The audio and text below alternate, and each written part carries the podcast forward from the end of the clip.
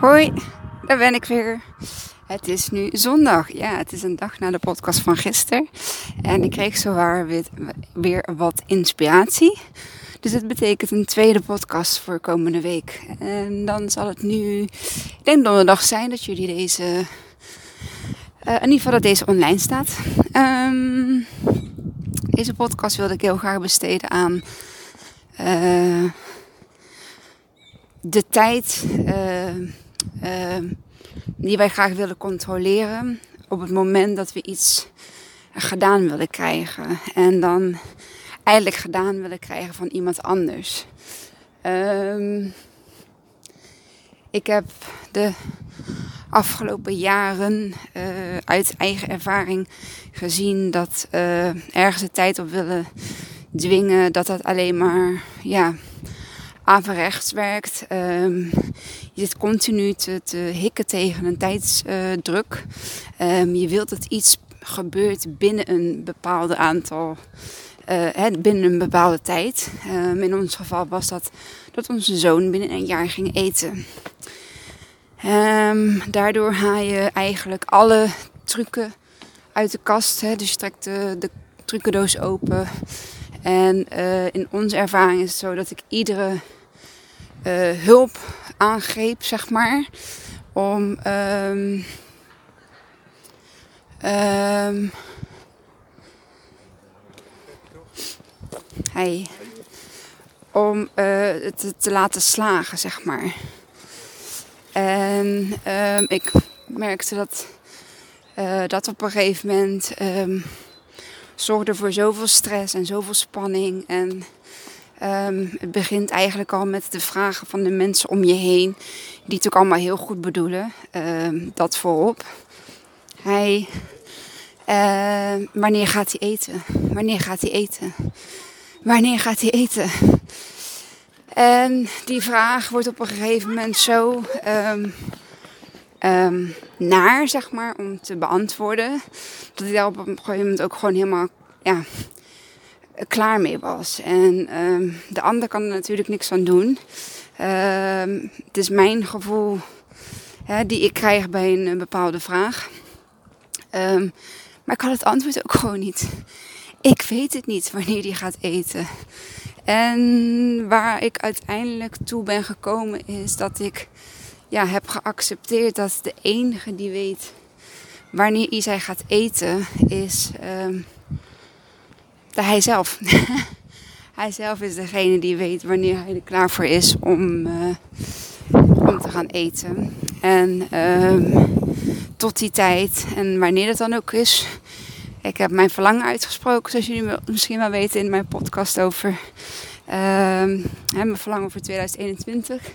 Uh, Isa dit jaar gaat eten. En je gelooft het of niet, hij is gaan eten. Hij eet nog niet uh, genoeg om de zonde voeding achter te laten of uh, achterwege te laten, maar hij is positief aan het ervaren. Hij heeft positieve mondervaring. En gisteren gebeurde er iets dat uh, hij met een koekje, hij is gek op tukkoekjes, die zijn lekker zout. Uh, zoals misschien de mensen met uh, kinderen met een uh, eetuitdaging weten, is de voorkeur van die kinderen gaat altijd uit naar zout. Een zout worstje, een zout frietje, een zout chipje, een zout tukje. En um, nou ja, hij stopte bij, in de keuken stopte hij heel zijn mond vol met koekjes. Hij was echt aan het genieten. En toen waren we in de speeltuin en hij kwam tussendoor een koekje halen. En daarna ging hij spelen. En ik dacht al van, moet ik er iets van zeggen? Van, joh, even je mond leeg eten en daarna klimmen. Maar ja, niet gedaan. Uh, waardoor hij, uh, ja, een kruimeltje zich verslikt in een kruimeltje. En uh, hij stond te kokhalzen in de speeltuin. Nu was zijn maag gelukkig niet al te vol. Dat er ja, geen hele voeding mee uitkwam. maar wel een klein beetje. Um, dit was dan heel eventjes een negatieve ervaring. Maar hij loste het zo goed op. Ik zag eerst aan zijn ogen dat er paniek ontstond. Maar vanuit mij was er geen paniek. Um, vanuit de andere kinderen was er geen paniek. En ik riep hem gewoon, hij kwam naar me toe, ik riep hem bij me. En ik zei, wat wil je nu doen? Ik wil naar huis, ik wil mijn handen wassen, ik wil andere kleren aan. Ik nou jongen, dat is hartstikke goed. En uh, ja, het ging nu heel eventjes mis, leg ik dan ook uit. En mama denkt dat het komt doordat uh, uh, jij ging spelen met een koekje in je mond. En dat is misschien wat we de volgende keer anders kunnen doen. En nou goed, daar kan hij dan, hè, daar kan hij dan heel goed naar luisteren. En dat begrijpt hij op dat moment ook. Dus voor een volgende keer gaan we dat anders, ja, anders aanpakken of anders doen. En het mooie daarvan was als toen waren we thuis geweest, hebben we gewassen, tandjes gepoetst. En uh, daarna durfde hij gewoon een koekje te eten. Toen dacht ik, ja, dat is precies waar hij uh, hoort te zijn. Uh, met vertrouwen weer terug te hebben om te kijken van, we proberen het gewoon nog een keer. En dan gaat het goed. En dat ging het ook. Dus voor iedereen um, die in deze situatie zit um, en die denkt van wanneer gaat hij eten? Misschien heb je zelf wel de vraag, wanneer gaat mijn kindje eten? Niemand kan voor jou die vraag beantwoorden. Er zijn um, eerdere casussen, maar er is geen enkele casus um, die van jouw kindje. Er is geen enkel lijfje dat van jouw kindje. Er is geen enkel uh, gevoel in het lijfje van jouw kindje. Er is gewoon geen enkel kindje zoals jou. En er zijn ook geen ouders uh, of, uh, zoals jouw kindje. En er zijn ook geen ouders zoals jou. Iedereen is anders. Iedere situatie is anders. Um, dus leer uh, om te gaan met de eetuitdaging. En het allerbelangrijkste is, laat de controle los. Laat de controle los van de tijd. Laat de controle los van uh, uh, wat hoort, wat moet. Uh, ja, heel belangrijk om dat, eh, om dat gewoon los te laten.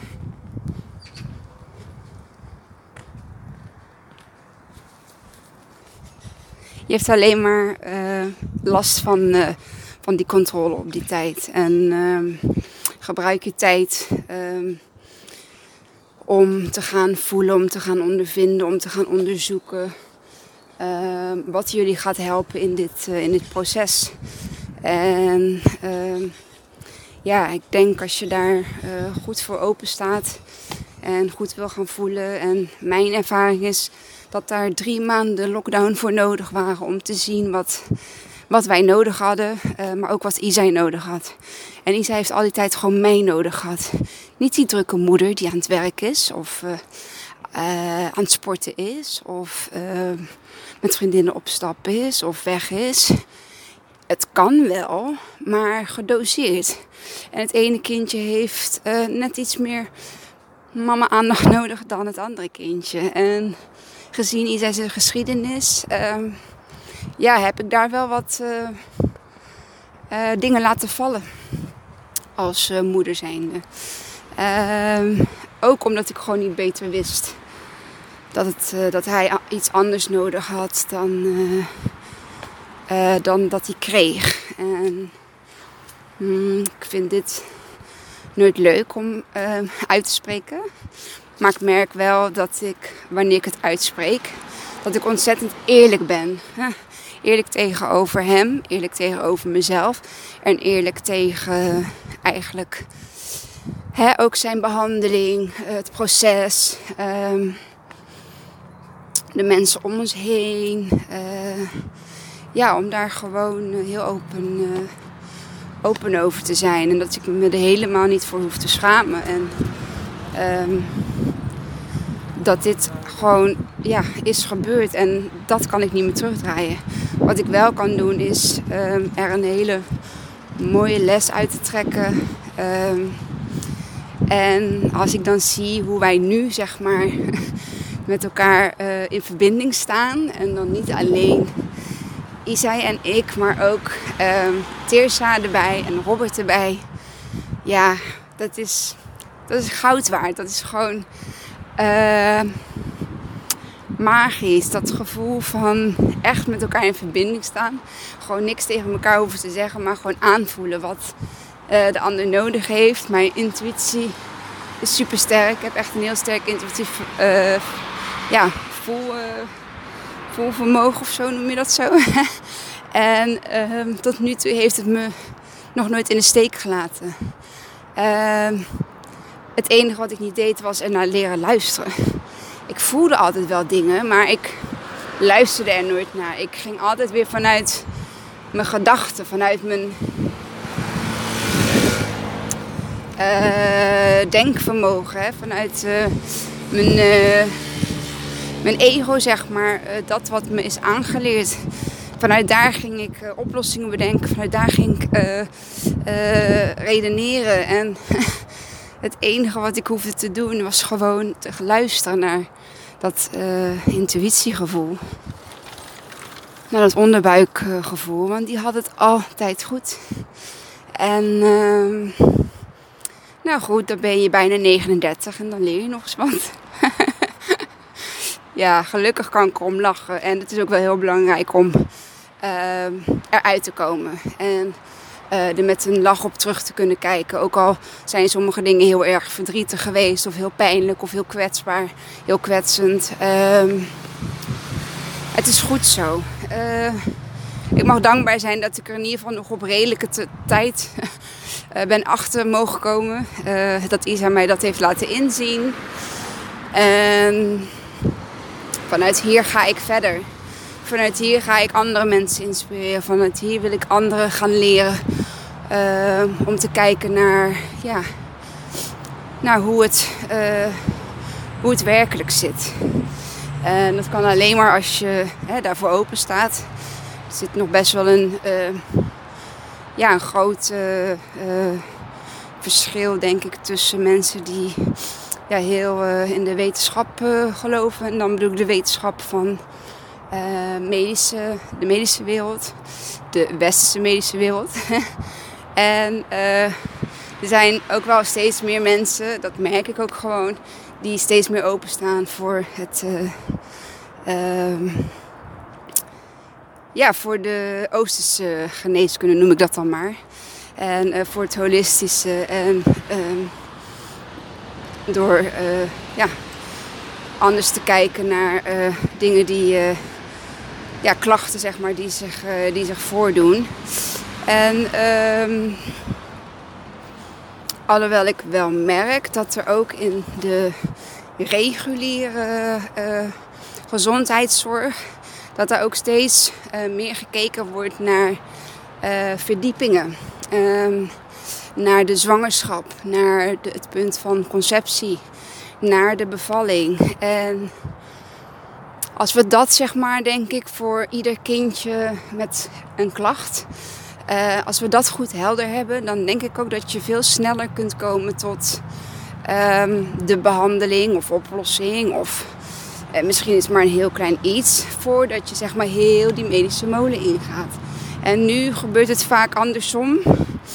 je wordt eerst helemaal medisch uitgetest, zeg maar. Uh, onderzocht, helemaal uh, binnenste buiten gekeerd. en als daar niks uitkomt, dan wordt het een psychisch dingetje.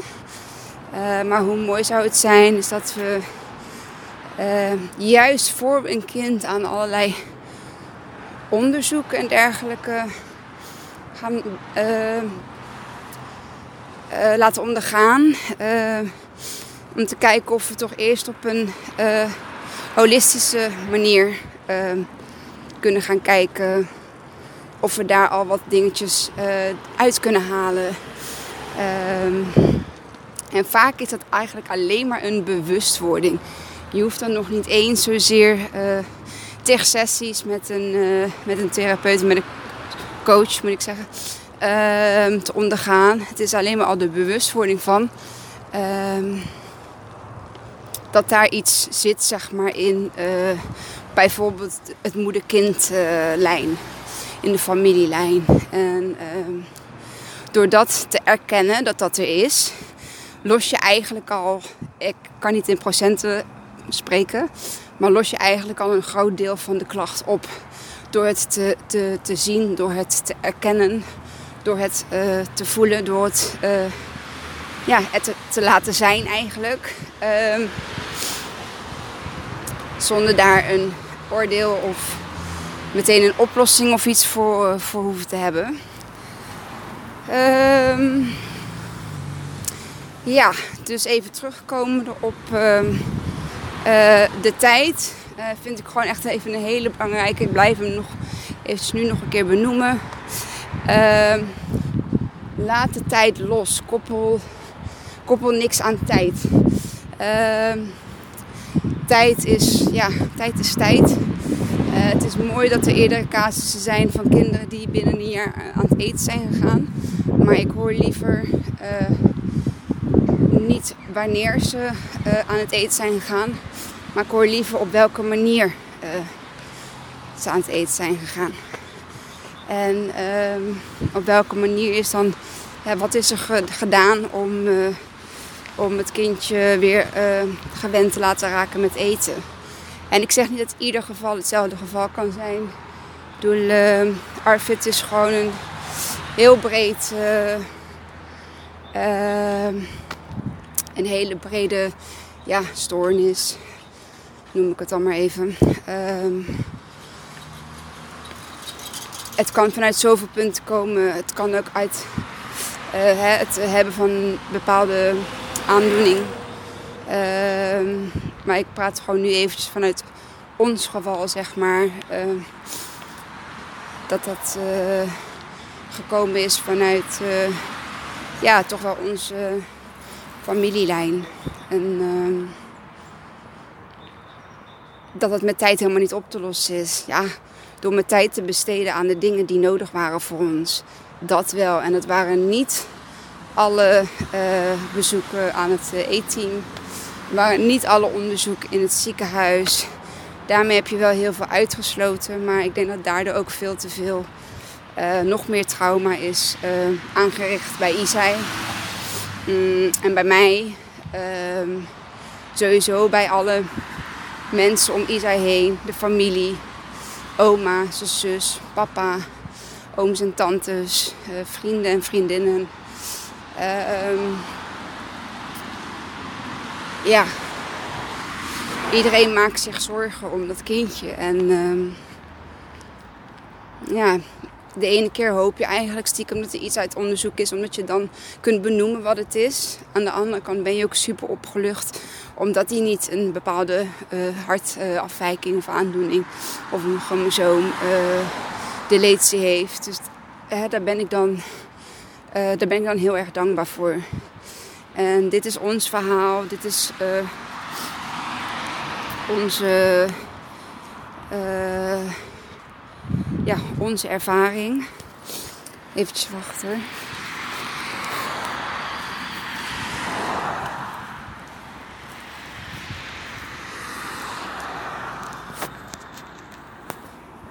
Oh, ja, daar ben ik weer. Um, en ik wil het gewoon heel graag delen, omdat ik eigenlijk gewoon voel in ieder ding van mijn lichaam.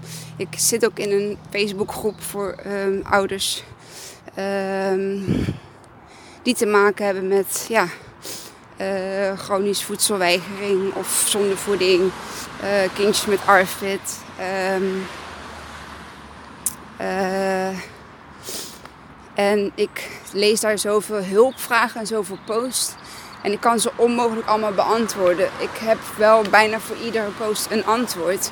Maar ik dacht, hoe kan ik dat um, zo uh, regelen, zeg maar.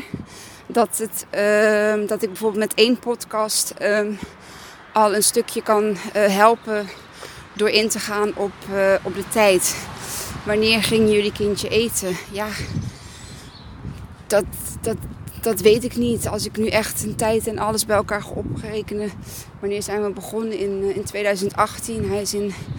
Uh, ja, hij is eind 2018 echt gestopt met eten. En hij is vorig jaar gewoon zachtjes aan weer uh, begonnen met, met kleine, kleine hapjes en positief ervaren. En ja, ik verwacht dit jaar gewoon dat hij gaat eten. Ehm, dat doet hij eigenlijk al. Ik zeg, niet, ik zeg het verkeerd. Ik verwacht het niet. Ik zie dat hij het doet. En ik weet dat hij het doet. En ik weet dat hij het nog veel meer gaat doen. En het enige wat ik kan doen is hem daarin begeleiden. Uh, hem daar het vertrouwen in te geven. En niet alleen maar door dat te zeggen, maar ook het gewoon echt te voelen. Gewoon in je lijf te voelen. Van hij kan dit. Hij gaat dit gewoon doen. Maar op zijn tempo. En op zijn manier. Um, en ik pas me daar aan. En dat is denk ik wel het laatste wat ik uh, voor deze podcast uh, uh, wil, ja, mee wil afsluiten. Dank je wel voor het luisteren. Deel hem alsjeblieft. Uh, ik ga deze ook, uh, als het mag, delen in de Facebookgroep. Uh, om te kijken of ik zo op die manier toch ja, een aantal ouders kan helpen. Uh, door dit stukje, zeg maar, deze zorg, dit stukje zorg bij ze weg te nemen. En uh, ja, wellicht dat ik dat ook nog bij andere dingetjes gewoon ga doen. Dat ik een beetje gericht zeg maar op uh, de eetuitdagingen. Uh, dat ik daarin ja, mijn kennis en mijn advies kan delen. Ehm, ja. Dus deel hem als je iemand kent of iemand weet die, die dit kan horen. Um, en dankjewel daarvoor. Tot de volgende. Doei!